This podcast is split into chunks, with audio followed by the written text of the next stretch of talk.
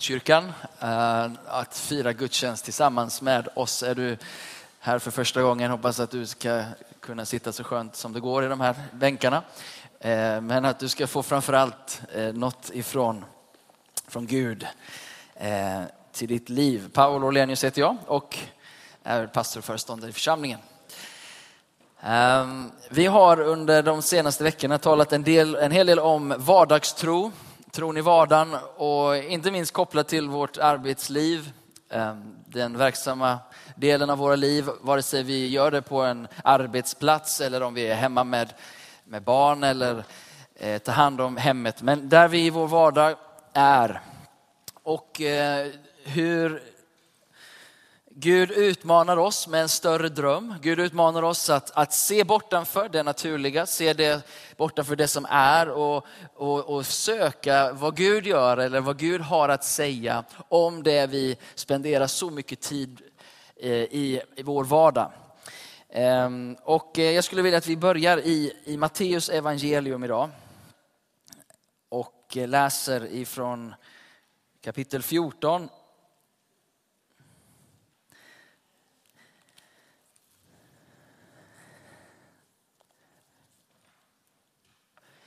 Jag kommer inte ihåg när jag predikade här förra gången, pratade vi om att Jesus stillar stormar då?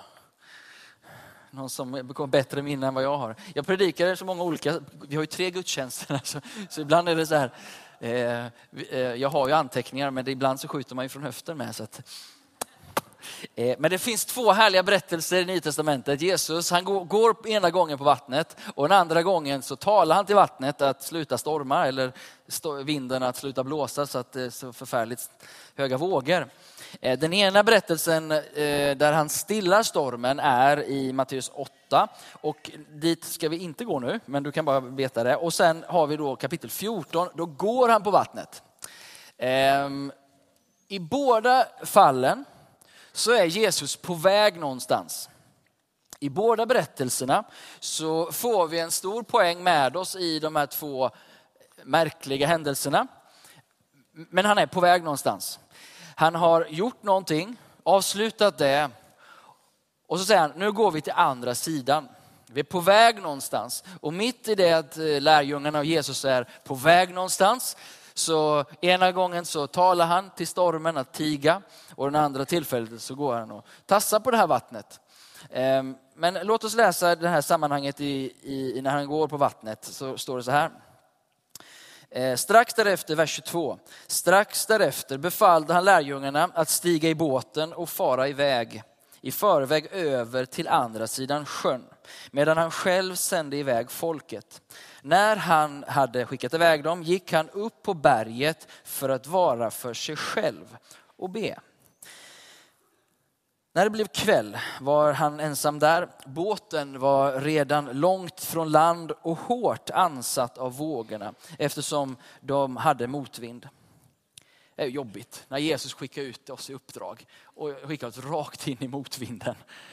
Det är ju sådär. Själv så sitter han där uppe och ber och tar det lite lugnt. Och samtidigt så skickar han ut lärjungarna och får härja lite i vindarna där. Ja, men i alla fall mot slutet av natten, vi pratar många timmar senare, ja, då kommer Jesus till dem gåendes på sjön. När lärjungarna fick se honom gå på sjön blev de förskräckta och sa, det är ett spöke och de skrek av rädsla. Så, så det är sådär, jag vet inte riktigt vad han sysslar med här Jesus kan man tänka. Först lite motvind och sen skrämmer han livet ur dem. Eh, men Jesus talar till dem och säger, grabbar var lugna. Jag har väl ändå sagt att ni ska åka över till andra sidan, eller? Nåväl, det är jag. Var inte rädda. Petrus är snabb och svarar, Herre, om det är du, så befall mig att komma till dig på vattnet. Han sa, Jesus säger kom och Petrus steg ur båten och gick på vattnet. Vi har två stycken som går på vattnet, Jesus och Petrus. Ehm, alltså är det inte utifrån Jesu gudomlighet som man går på vattnet i det här läget, utan vi har även en människa som är ute och traskar på vattnet. Ehm, men i alla fall, eh, när Petrus såg hur stark vinden var blev han rädd. Han började sjunka och ropade Herre, rädda mig. Så han går på vattnet och sen så sjunker han plötsligt på grund av de rådande omständigheterna. Genast så räcker Jesus naturligtvis ut handen och griper tag i honom och säger, men Petrus, så lite tro du har. Varför tvivlade du? Varför kunde du inte bara lita på det jag sa? All right, de steg upp i båten och i den stunden så lägger sig vinden sig och det blir stilla. Och de som var i båten tillbad honom. Det väckte förundran och de utbrister, du är verkligen Guds son. Lite som Jamil berättar hur Gud griper in i hennes släktingar, de som finns runt omkring henne och bara wow, Gud är på riktigt. Um, och så står det så här i vers 34. När de hade kommit över sjön lade de till i trakten av Genesaret. Männen på platsen kände igen honom och sände ut bud i hela området och man förde till honom alla som var sjuka och bad honom att de skulle få röra vid hörntofsen på hans mantel. De gillar hörntofsar. Har ni märkt det när ni läser Nya Testamentet? De vill gärna pilla på de där hörntofsarna. Ja, det gör de här och det som händer är att de blir helade så fort de rör vid honom. Ehm, jag vet inte vad de skulle pilla på idag. Vi har inte så många hörntofsar. Men de rörde vid Jesus och det förändrade hela situationen. Det som är intressant som jag vill lyfta bara nu, det är att jag tror att Gud har just den här andra sidan sjön platsen förberedd för oss. Jag tror att Gud har en plats dit han sänder oss för att eh, de behoven ropar. Dels, först och främst på Guds hjärta. Alltså, det, det, går ett rop någonstans i Stockholm idag. Det går ett rop ut som säger Herre eller Gud, finns du överhuvudtaget? Var är du Gud om du finns? Om du är på riktigt, varför så mycket lidande? Varför så mycket plåga? Varför så mycket orättvisor? Ropet går upp någonstans i Stockholm idag. Eller det vet vi om, att det, det är någonstans så suckar människor högt till Gud. Och det rör vid Guds hjärta. Så precis som med Mose, far med lite bibelberättelse här för, för dig som hänger med. Men eh, Mose, han, han var ute i öknen och så säger Gud, Israels barns rop har, hört, har gått upp till mig, jag har hört det. Därför ska jag själv gå ner och rädda dem och befria dem. Så går du nu Mose och sätt dem fria. Ropet går upp någonstans och så sätter Gud en rörelse och den här platsen, den, de ropar på oss idag. Så han eh, skickar oss ut över det här vattnet. Och det jag har pratat lite om på sistone, det är att tänk om vi förstod stormens betydelse, om vi förstod vad egentligen som håller på att hända i det att vi går igenom våra små stormar i livet. Att vi faktiskt får möta motvinden och stormarna. Och i det försöker Jesus förbereda oss, tror jag, på det som han skickat oss för egentligen på andra sidan. På andra sidan. Stormen, tänk om vi kunde lyfta blicken hjälpa varandra, bara lyfta blicken. Just det, det är inte stormen som är grejen, utan det är dit Herren tar oss. Och jag kanske behöver den här stormiga upplevelsen för att kunna det jag ska göra där borta. Eller hur?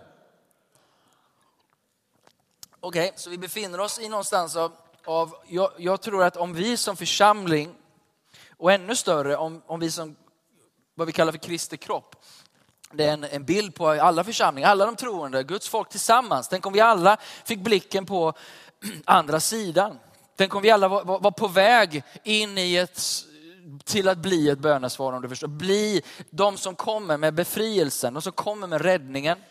Om vi, om vi dessutom såg vår arbetsplats, om vi såg vår vardag och insåg liksom att Gud kallar oss dit för att bli en befriare. För att bli någon som lyfter av det tunga oket och ger ett milt ok att bära. Om Guds folk intog kallelsen till arbetslivet, kallelsen till vardagslivet på ett sånt fullt allvar som du förhoppningsvis tar din tro på i din privata kammare om du förstår. Att kärleken till våra arbeten, det var det jag pratade om senaste predikare, att Gud både väcker en vision och en passion för vårt arbete. Och därför som han har någonting som väntar så låter han oss också gå igenom de här stormarna för att förbereda oss, för att göra oss redo att inte bara ta hand om våra egna stormar men faktiskt kliva in på ett område och lösa det området från deras börda. Om vi tar den andra berättelsen om stormen, innan jag har några tänkte droppa några konkreta saker som jag skulle vilja utmana dig med. Eh, I kapitel 8 så är det tillfället när han stillar stormen.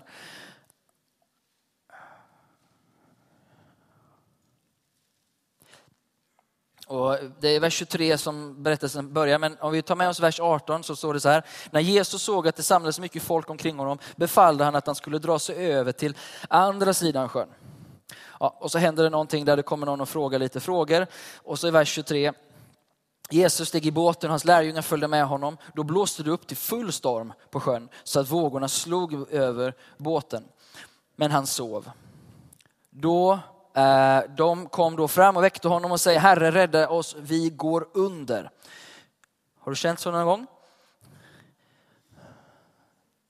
Jag pallar inte mer. Ah, jag går under. Herre, var det, var det för det här? Har vi gått så här långt för att, för, för att vara på den platsen? Jag trodde jag hade kommit längre. Jag trodde, jag, jag trodde någonstans att det var inte hit du skulle ta mig. Gud, sammantaget av allt det som jag har fått vara med, sammantaget av den resa och det, var det hit, var det här, var det detta jag skulle få uppleva? Men det är viktigt att lärjungarna får känna på detta i den här stunden. Det är viktigt. Han tar, pratar med dem, varför ni är rädda? Rädslan slår in igen. Han, han, han, säger igen, tro, varför har ni så lite tro? Kan ni inte lita på det jag säger? Vi ska över till andra sidan. Jag har sagt det, jag ändrar mig inte.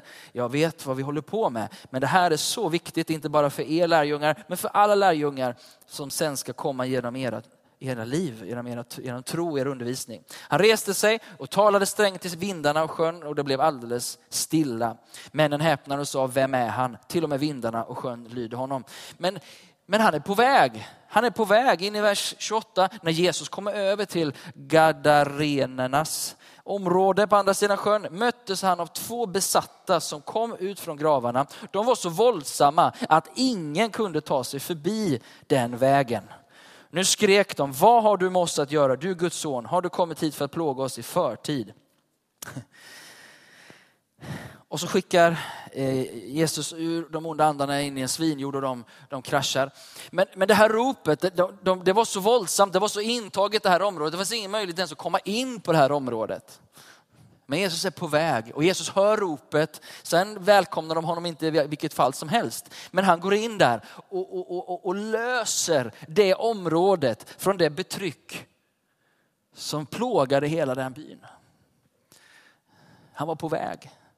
Det fanns ett område som han tog lärjungarna till. Och det finns ett område som Herren tar dig till. Vilket område är det? Vad är det Herren kallar dig? Och hur kan vi vara förberedda så att vi inte hamnar i rädslor som får oss att sjunka eller i fruktan som gör att vi liksom kapitulerar.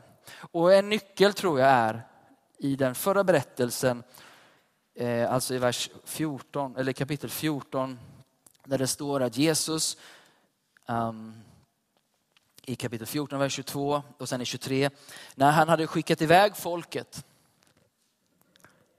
Alltså, det finns, en, det finns en stund att skicka iväg folket.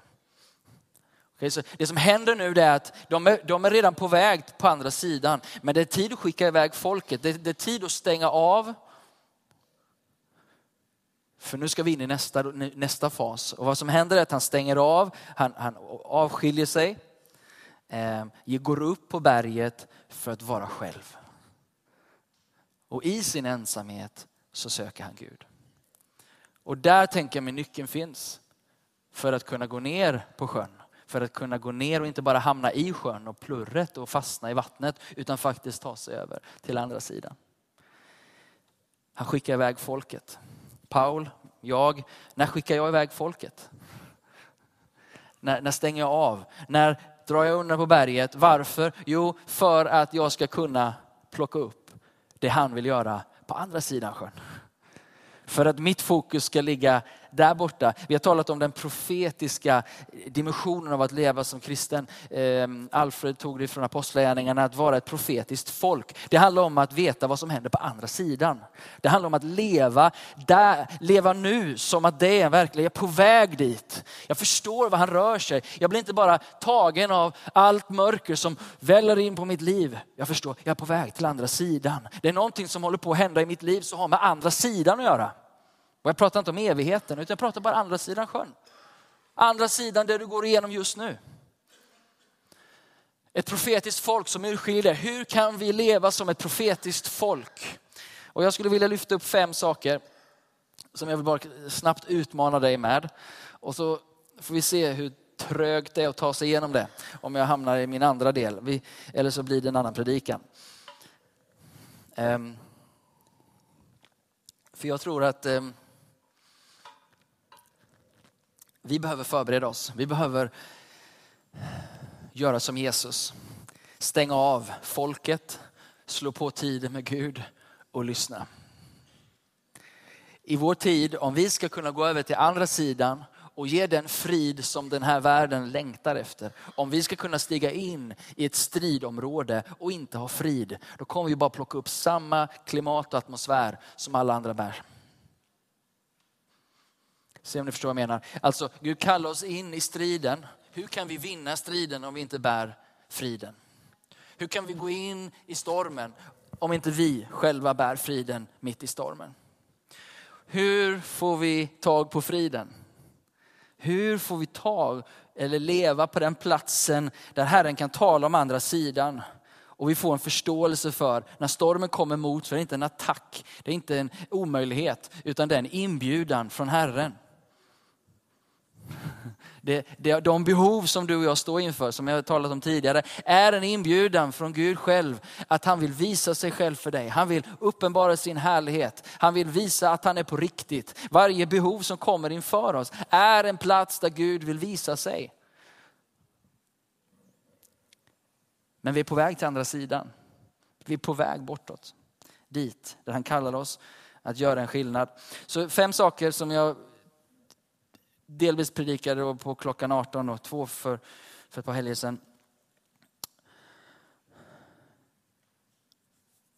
Nummer ett, att i tro bli stilla.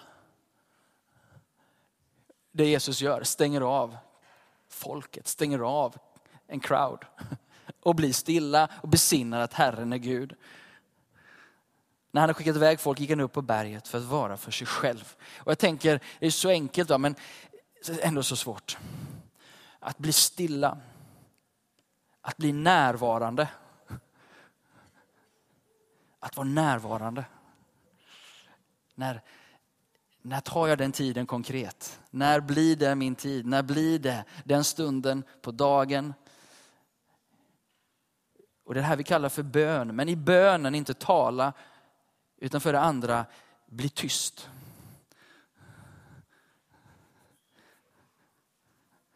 En pingstkyrka, men, men även pingstvänner behöver, behöver vara tysta ibland.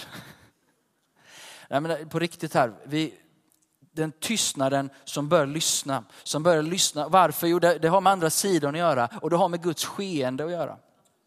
Det har med att i vår tid, när vi aldrig har varit så intrycks... Jag menar, alla intryck du får på en dag, eller på några dagar, är ju lika mycket som en människa under en hel livstid för inte länge sedan. I detta, hur ska vi kunna urskilja det Gud gör om vi inte blir stilla, om inte vi blir tysta? Och vi pratar inte om, om mindfulness i bemärkelsen att tömma oss själva, utan vi pratar om peacefulness. Låta hans närvaro fylla oss. Det handlar inte om att tömma utan att fyllas. Inte att kämpa utan att ta emot. Inte processa utan igenkänna Guds närvaro på djupet. Inte tala, utan att lyssna. Mindfulness handlar om att tömma sig själv. Peacefulness handlar om att fyllas av hans närvaro. I tystnaden skulle jag vilja utmana oss. Få vara på platsen där du sätter dig ner och jag sätter mig ner. Och i tystnaden igenkänner hans närvaro i djupet av vår varelse. Jag tror vi har en hemlighet där. Jag tror att kan vi gå ut i livet, om du förstår mig rätt, med den tystnaden, med den friden, med den medvetenheten. Då kan vilken storm som helst blossa upp och vi vet vem vi är i Gud. Vad är det i tystnaden som kommer? Vad säger Gud? Vad visar Gud? Vad ropar ditt hjärta efter? Vad smärtar i ditt inre? Som i bruset av allt annat vi gör inte kom upp till ytan. Vad klagar din själ på? Det här var inte så trostärkande eller? För om vi, om vi dövar det vår själ ropar, om vi försöker hela tiden. Davids salmer, lyssna på dem. Han låter sin klagan gå till Gud. I tystnaden, få, få låta ditt hjärta börja ropa. Och inte vända dig till dig själv bara, men vända dig till Gud där. Vad är det din själ vill berätta för Gud? Vad är det din själ vill kommunicera om? För om det där far i ditt inre och du sen ska stiga ut i en storm, gissa vad som händer i ditt inre? Stormen slår till och du sjunker. Och vi ropar Jesus och han lyfter igen. Igen, han lyfter alltid. Han kommer aldrig släppa dig. Han kommer inte låta dig sjunka, eller hur? Han är inte där för att överlämna dig, han är ju där för att träna dig. Han är där för att någonstans ta dig över till andra sidan och han ser fram emot den dagen då han inte behöver vara i båten. Han ser fram emot den dagen han säger, off you go. Ser, vi syns sen. Och han kanske tar strandpromenaden. Och så håller han ett litet, litet getöga på dig. Så här. Och så ser han att, ho, ho, nu går det illa. Och så tassar han ut på vattnet. Och så liksom får, får, får han hjälpa oss igen. Det är okej, okay. men, men vi är på väg till andra sidan. Vi är på väg in i någon form av mognad i det att, att faktiskt också här nere. Vad ropar ditt, vad ropar ditt hjärta? Vad, vad, vad, vad, vad, vad klämmer? Och i det, göra som David gör. Vad är det din själ behöver vara tacksam för? Vad är det din själ behöver glädja sig i? Att påminna sin själ om, om hans godhet. Det finns, det, det finns i den här tystnaden ropet som går upp, men också en annan sida som faktiskt börjar kommunicera med det ropet och bara säga, det här är den Gud du tror på. Det här är vad han har gjort för dig. Men det där inre samtalet, om du förstår mig rätt nu. Inre bönen med dig och Gud på det djupa planet. Där, där någonstans föds friden tror jag. Där det inte ligger massa oupptäckt, det ligger inte massa nedgrävt. Du står i ljuset och du talar sanning. Du kanske inte känner dig så kaxig och stark, men det är helt okej. Okay. För att samtala med Herren om de här sakerna. Och i det, nummer tre, meditera på ordet. Att, att bli stilla, det är en stor, stor utmaning att bli närvarande i nuet tillsammans med Gud. För det andra, bli tysta, lyssna, vad är det som händer på insidan? För det tredje, tro, meditera på ordet. Att förbli, och tugga på ordet. Saltaren 1 och Vers 1-3 säger, salig är den som har sin glädje i Herrens undervisning och begrundar hans ord både dag och natt. Begrundar är ordet meditation eller meditera, tugga på. Som tuggar på hans ord både dag och natt. Och där står det, allt han gör lyckas väl. Om vi vill göra det Jesus gjorde, så behöver vi också göra det Jesus gjorde. Det var starkt. Du bara, ja. men, men om vi inte drar oss undan, om inte vi stänger av intrycken, hur i hela världen skulle vi, ska vi kunna ta emot de djupa avtrycken som Herren vill ge i vårt inre? Är ni med? Tänk att varje dag få starta i vilan i Gud. Att få sätta sig ner och i tro markera någonstans. Jag tänker inte bara pusha mig igenom det här. Jag kommer i tro invänta, höra och få ett ord ifrån Herren. En tydlighet om vad ska ske på andra sidan. Tro och meditera på ordet. Vilka bibelord är det du memorerar nu för tiden? När var det senast du memorerade Bibeln? Ja. söndagsskolan. Bara liksom fylla oss med ordet. Hur ska vi annars lyckas? Du vet, jag tänker på Maslows eh, behovstrappa. Vet ni vad det är för något? Vad är det första steget? Fysiska behov. Det här är bara allmänt.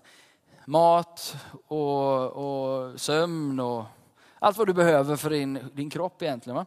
Och även för själen. Vad är det vi har sen? Trygghet. Vi behöver någonstans att bo. Vi behöver kunna låsa om oss eller, eller sådär. Och sen börjar andra behov som, som har vår gemenskap att göra. Att få känna sig hemma någonstans, uppskatta någonstans. Man har sin familj, man har sitt sammanhang.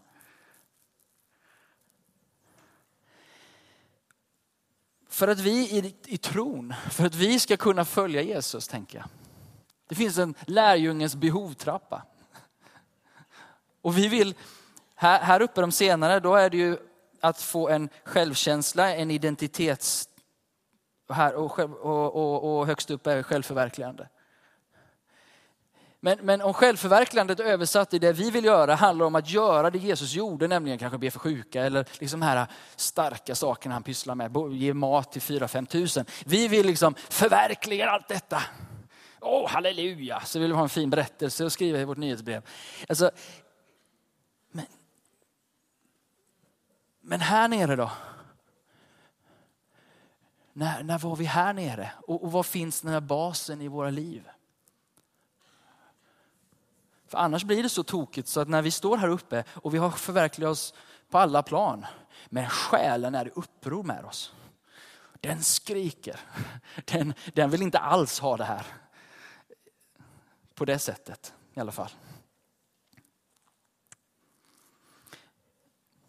Bli stilla, bli tyst, meditera på ordet. I en annan tid så kanske vi hade sagt andra saker. Men om vi vill förmedla frid i en tid av oro och strid, då måste vi hämta liksom, vi måste gå i en annan riktning än, än att jaga på. Vi kan inte gå in i, i stormen med en uppjagad själ. För det fjärde som, som, som sticker ut lite, som jag tror är oerhört viktigt, det är att i tro ge sitt tionde och gåvor. Stillhet, tysthet, ordet och så kommer pengarna in. Jag tänker så här att för att förankra vårt verksamma liv i Gud så måste vi förankra det i Gud. Om vi tänker att andra sidan har med vår arbetsplats att göra, det har med, med vårt förvärvsjobb att göra. Att se till att den världen, den ekonomiska världen och min delaktighet i den ekonomiska världen är förankrad i Gud på ett sånt sätt så att han kan öppna himmelen över den platsen. Malaki 3.10 säger, för in fullt tionde till mitt förrådshus så ska jag se om inte jag ska öppna himmelen och min, min tanke är så här, om jag vill jobba ihjäl mig för att himmelen ska vara öppen över mitt liv, om jag vill liksom, då kan jag ju försöka med det. Men Herren säger, förankra din ekonomi, ditt, ditt, ditt, ditt förvärvande av, av stålar in i mig. Se till att du inte stressar omkring i den område, på det området. Se till att hela din ekonomiska verklighet, för det är en så stor del av våra liv. Det är därför jag tog upp det här. Ge tiondet. Fullt tionde. Ett uttryck i tro inte i lag, utan i tro på att den verkligheten som är mina räkningar, som är mina behov, som är det jag kommer in på kontot, ut på kontot, som jag köper och säljer hela tiden. Den, den delen är ingen liten del av ditt och mitt liv. Och det är inte konstigt att Jesus talar mer om pengar än något annat ämne, bortsett Guds rike. Guds rike och sen är det pengar. Och det är inte för att han är ute efter dina eller mina pengar, utan det är för att han vet att hjärtat behöver frid där. Hjärtat behöver en öppen himmel på det området. Annars går vi omkring och stressar oss dagarna i ända för detta område.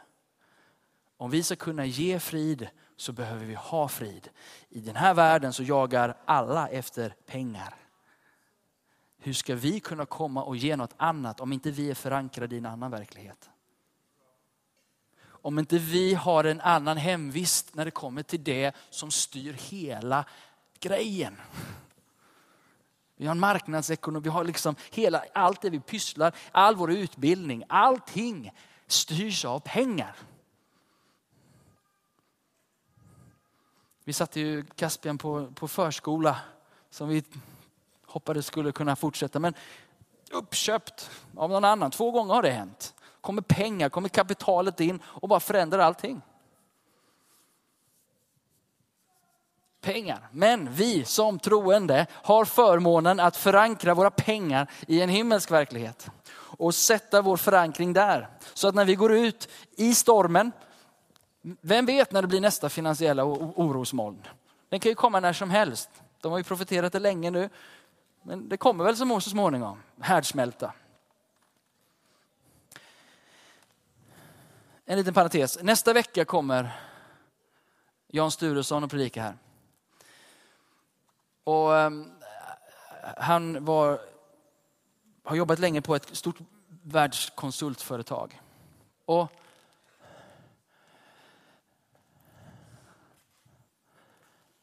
Och så skulle det bli en, en ledande roll eh, tillgänglig där, globalt för hela detta företaget som har, jag vet inte, 100 000, 200 000 anställda. Jag vet inte. Och han upplevde att han skulle söka det här jobbet. Och det här var då precis innan den finansiella krisen 2007-2008. Och han sitter i den här eh, anställningsintervjun och så frågar de honom, sitter i London, frågar honom var, var, varför ska du ha det här jobbet? Och det som kom ur hans mun var, ni behöver mig i nästa finansiella kris. Den kommer snart. Och han liksom bara käkade upp sina ord. Vad sa jag för någonting? Det var liksom inte, jag vet inte, kanske det bästa att säga i en arbetsintervju. Men han sa det i alla fall. Efter mycket om där så fick han det jobbet. Och sen den dagen när Lehman Brothers och hela den grejen gick ner i, i, i graven så ringer hans chef och säger, nu har du din kris. Get a job. nu är det dags att börja arbeta. Och Gud gav honom insikt på det här när det kommer till på regeringsnivå. De konsultade bland annat Japan hur de skulle ta hand om den här krisen. Och han fick ett Guds ja, han fick ett Guds tilltal för nationer. För att han satt på den platsen han satt i det här konsultbolaget. Gud gav honom frid. Men hur skulle han kunna gå in i en sån härdsmälta med någon form av öppenhet inför himmelen om inte han själv hade sin ekonomi grundligt förankrad i Gud. Är ni med mig? Så att djävulen, så att fienden inte kan liksom attackera underifrån, från sidan och kors och tvärs. Inte utifrån rädslor nu, men bara utifrån vad Gud faktiskt lovar ifrån sin bibel, från sitt ord. Och utöver det Tiden går här. Det här var lite, det blir en predikan till inser jag. Men eh, utöver tiondet så utmanar Gud oss att ge gåvor och offer. Alltså sånt som är utöver detta. Och när det, det handlar om tiondet är det som öppnar himlens fönster så utmanar Gud oss att leva med, med sådd i handen. Med, med, med gåvor i handen som, som blir som en sådd. Där vi sår, vi kommer in i, vad kallar det här då? Gå, ge gåvor, överflödets rytm av sådd och skörd. Det, det, finns någonting som vi kommer in i när vi börjar ge, när vi börjar komma in i Guds generositetstänk. Vi kommer in i en rytm som avlastar stressen, som tar bort och vi inser att vi är på väg till andra sidan. Jag är inte här för att samla, jag är här för att ge. Jag är här för att sprida och, och, när jag ger och när jag sår så blir det en, en, en växt i den människan eller den platsens liv. Men Gud lovar också en skörd tillbaka. Den som sår sparsamt får skörda sparsamt. Den som sår rikligt, fast i munnen, sår rikligt får skörda rikligt. Är ni med mig? Är det okej okay att jag pratar lite pengar? För det, det ligger så djupt kopplat till oss. Men, men om vi, tänk dig, tänk dig vilan, se dig själv i vila, i Guds närvaro. Ingen stress. Djupt förankrad i hans löften och ord. Och sen få ta våra ägodelar och våra pengar och, och, och få bara ge den platsen till Gud. Jag tänker att när vi får, får vara med om det här, då kommer Gud kunna kommer måla sina profetiska bilder för oss på ett helt nytt sätt. Tänk att vi får, vi får bort de här stress, press, hormonerna, blockeringarna.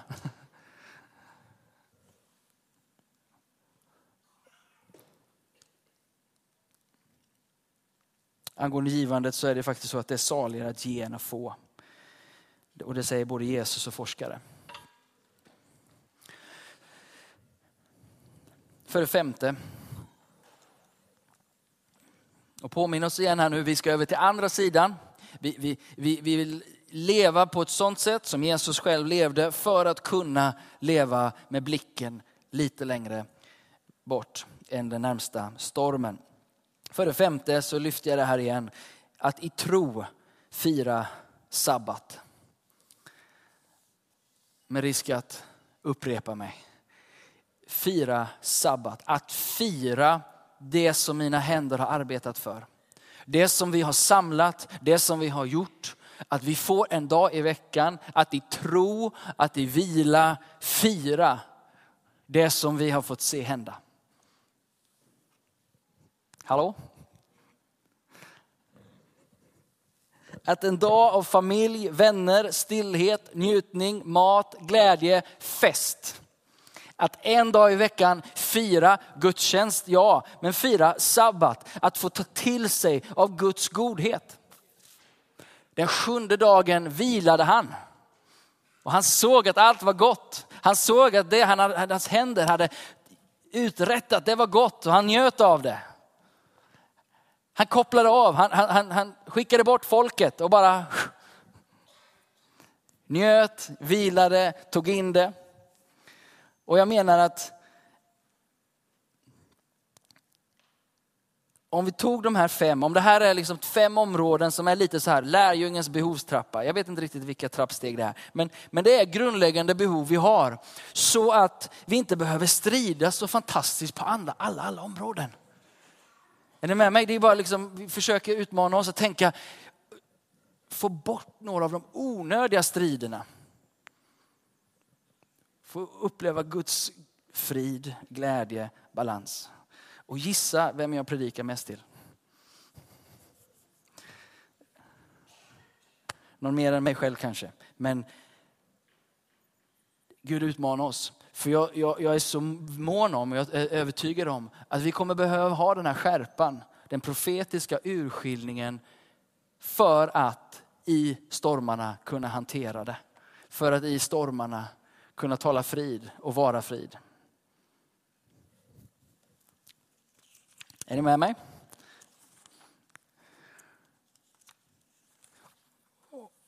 Och för att det här ska bli någonstans verklighet, och det här får bli min, min, min predikan en annan gång. Men det är att vi behöver hitta gemenskapen av lärjungar där vi faktiskt stöttar varandra, hjälper varandra att omsätta det här i handling. Lovsångare kan få göra er redo. Att hitta platsen. Vi har det vi kallar citygrupper i vår församling. Om det nu är citygrupp eller om det är någon annan plats. Men jag tänker att du och jag behöver platsen av omsorg där vi möts, där vi tar de här sakerna till oss och utmanar varandra. Där den här, för den här det är en hyfsat okej okay predikan idag, du är inte jätteglad och laddad men du har fått en hel del att tänka på. Men det där är ju, om vi inte får hjälp att omsätta det, om inte jag sätter mig med Mattias, det här är Mattias, säg Mattias. Om inte vi tar de här sakerna, jag kan predika den här hundra gånger utan att få ner hjulet, vad heter det, däcken i, i mattan. Va? Så the rubber hits the road. Vad säger man? Ja, ändan ur vagnen. Få in det i våra liv. När firar du sabbat? När vilar du? När är du tyst Mattias? Ska du fråga Amanda? Eller hur? Och så, så bara, ja, men det är lite kämpigt med, med givande till exempel. Ja, men jag, Vem delar han det med?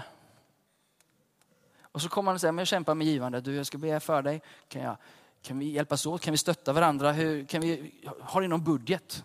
Kanske inte jobba, kan vi hjälpa varandra och se till så att vi har de här pengarna för att förankra vår, vår ekonomi i Gud? Ska vi stötta varandra? Vi möts. Den gemensamma omsorgen om att faktiskt omsätta. Och just nu så siktar vi mot att Citygrupperna ska vara en sån gemenskap där vi, där vi pratar för det första omsorg. Vi säger att vi tar emot varandra, vi ber för varandra. Hur har veckan varit? Vad, vad händer i ditt liv? En del stöttning och omsorg. En del av ordet. Att faktiskt ta något av ordet, läsa bibeltexterna tillsammans och det Gud talar till oss om, försöka tillämpa det i våra liv. Och be för varandra och sända ut varandra i våra relationella nätverk att det blir välsignelse, att bli till välsignelse. Jag ska ta tillfället och prata om det här vardagskyrka, att få vara tillsammans. Men så viktigt.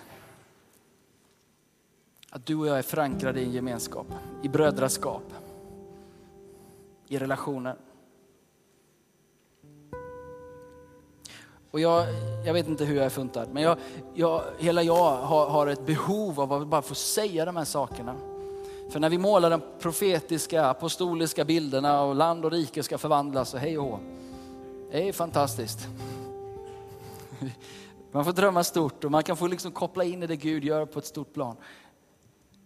Men det går ner till i mitt liv om jag sätter mig en kvart på morgonen och i vila ber och söker Herren. Eller om jag stressar min dag med allt annat. Eller ta en timme. Nej, förstår du vad jag menar? Det går, det, där, där kopplas det, där, där händer det.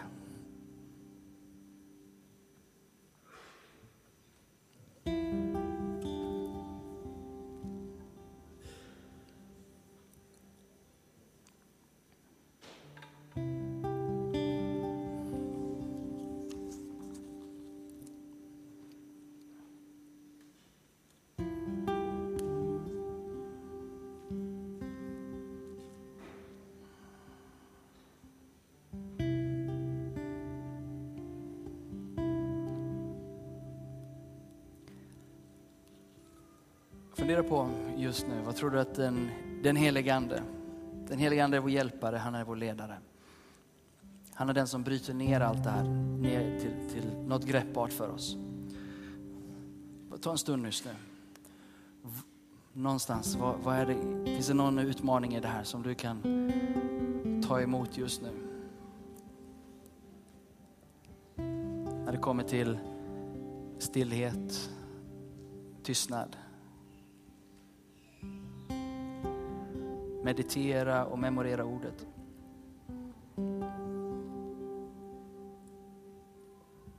När det kommer till givande.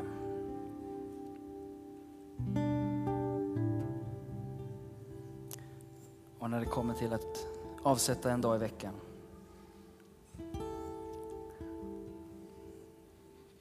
Till att njuta. Till att vila. Till sabbat.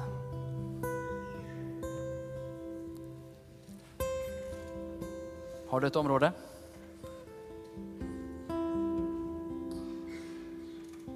Kan vi göra så idag att vi, vi ställer oss upp? Och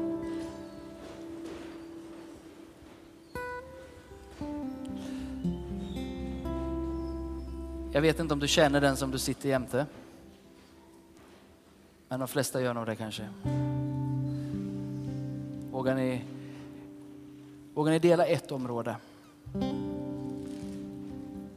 Om du hittar någon som sitter bredvid dig. Du behöver inte ta detaljerna men bara säga att det här tar jag med mig idag. Och det här vill jag tillämpa i mitt liv.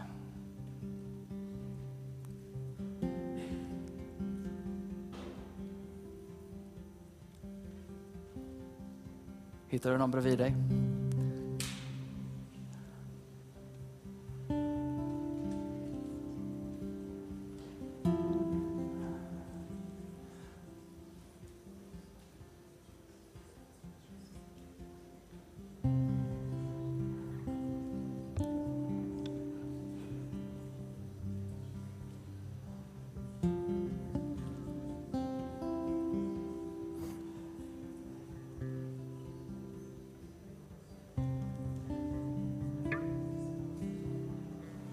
Skulle ni också kunna göra så att ni bara ber kort för varandra. Jag vet inte om du brukar be, men försök formulera en bön. Om att den helige Ande, att Gud själv ska stötta, ska ge kraft att tillämpa. Att när vi sätter vår hand till plogen så får vi också nåden att fullfölja det. Vi bara välsignar det Gud gör idag.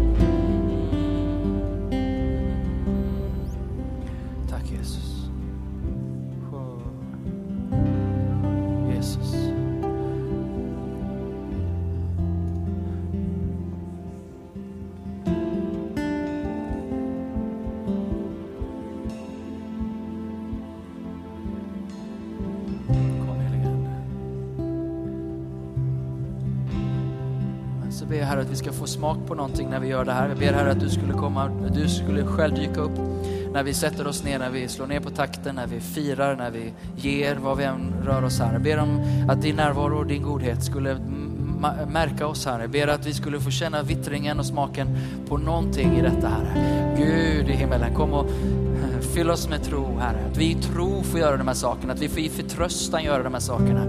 Inte, inte som en kravspes utan som ett liv i förtröstan på dig Herre. Mm.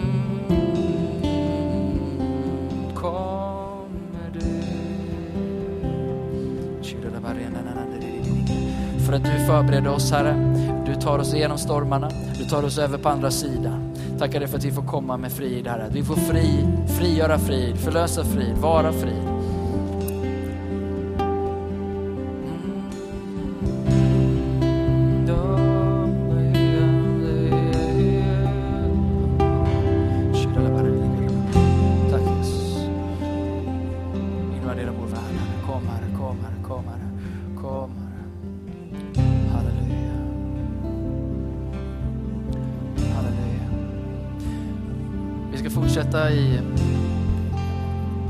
Brukar alltid ha en, en förbönstund i ehm, slutet av gudstjänsten också. Jag ska be Patrik komma och dela en, del ehm, kunskapsord som vi kallar det för.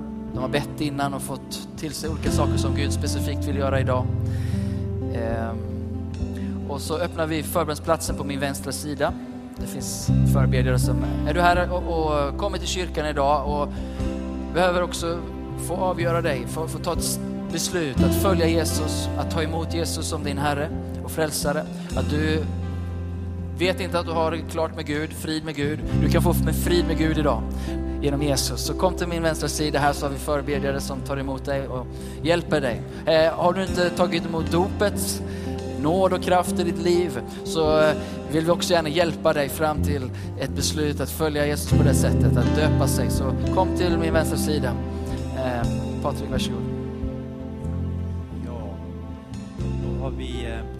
Varit eh, i bön innan här en timme och eh, vi fick lite olika ord och temat vi hade för gudstjänsten här var frisk olja. Gud ska komma över oss med frisk olja.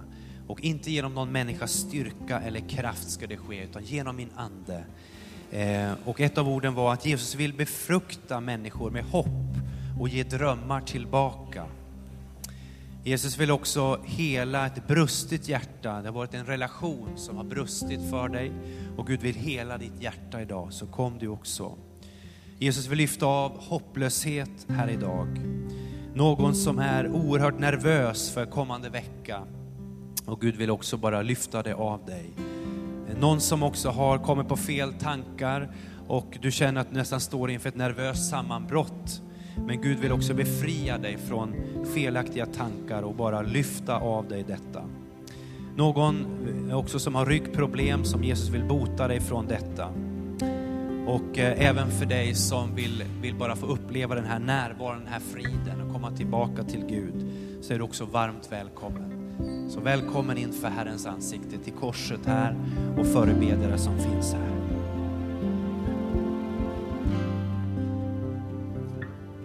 Lord.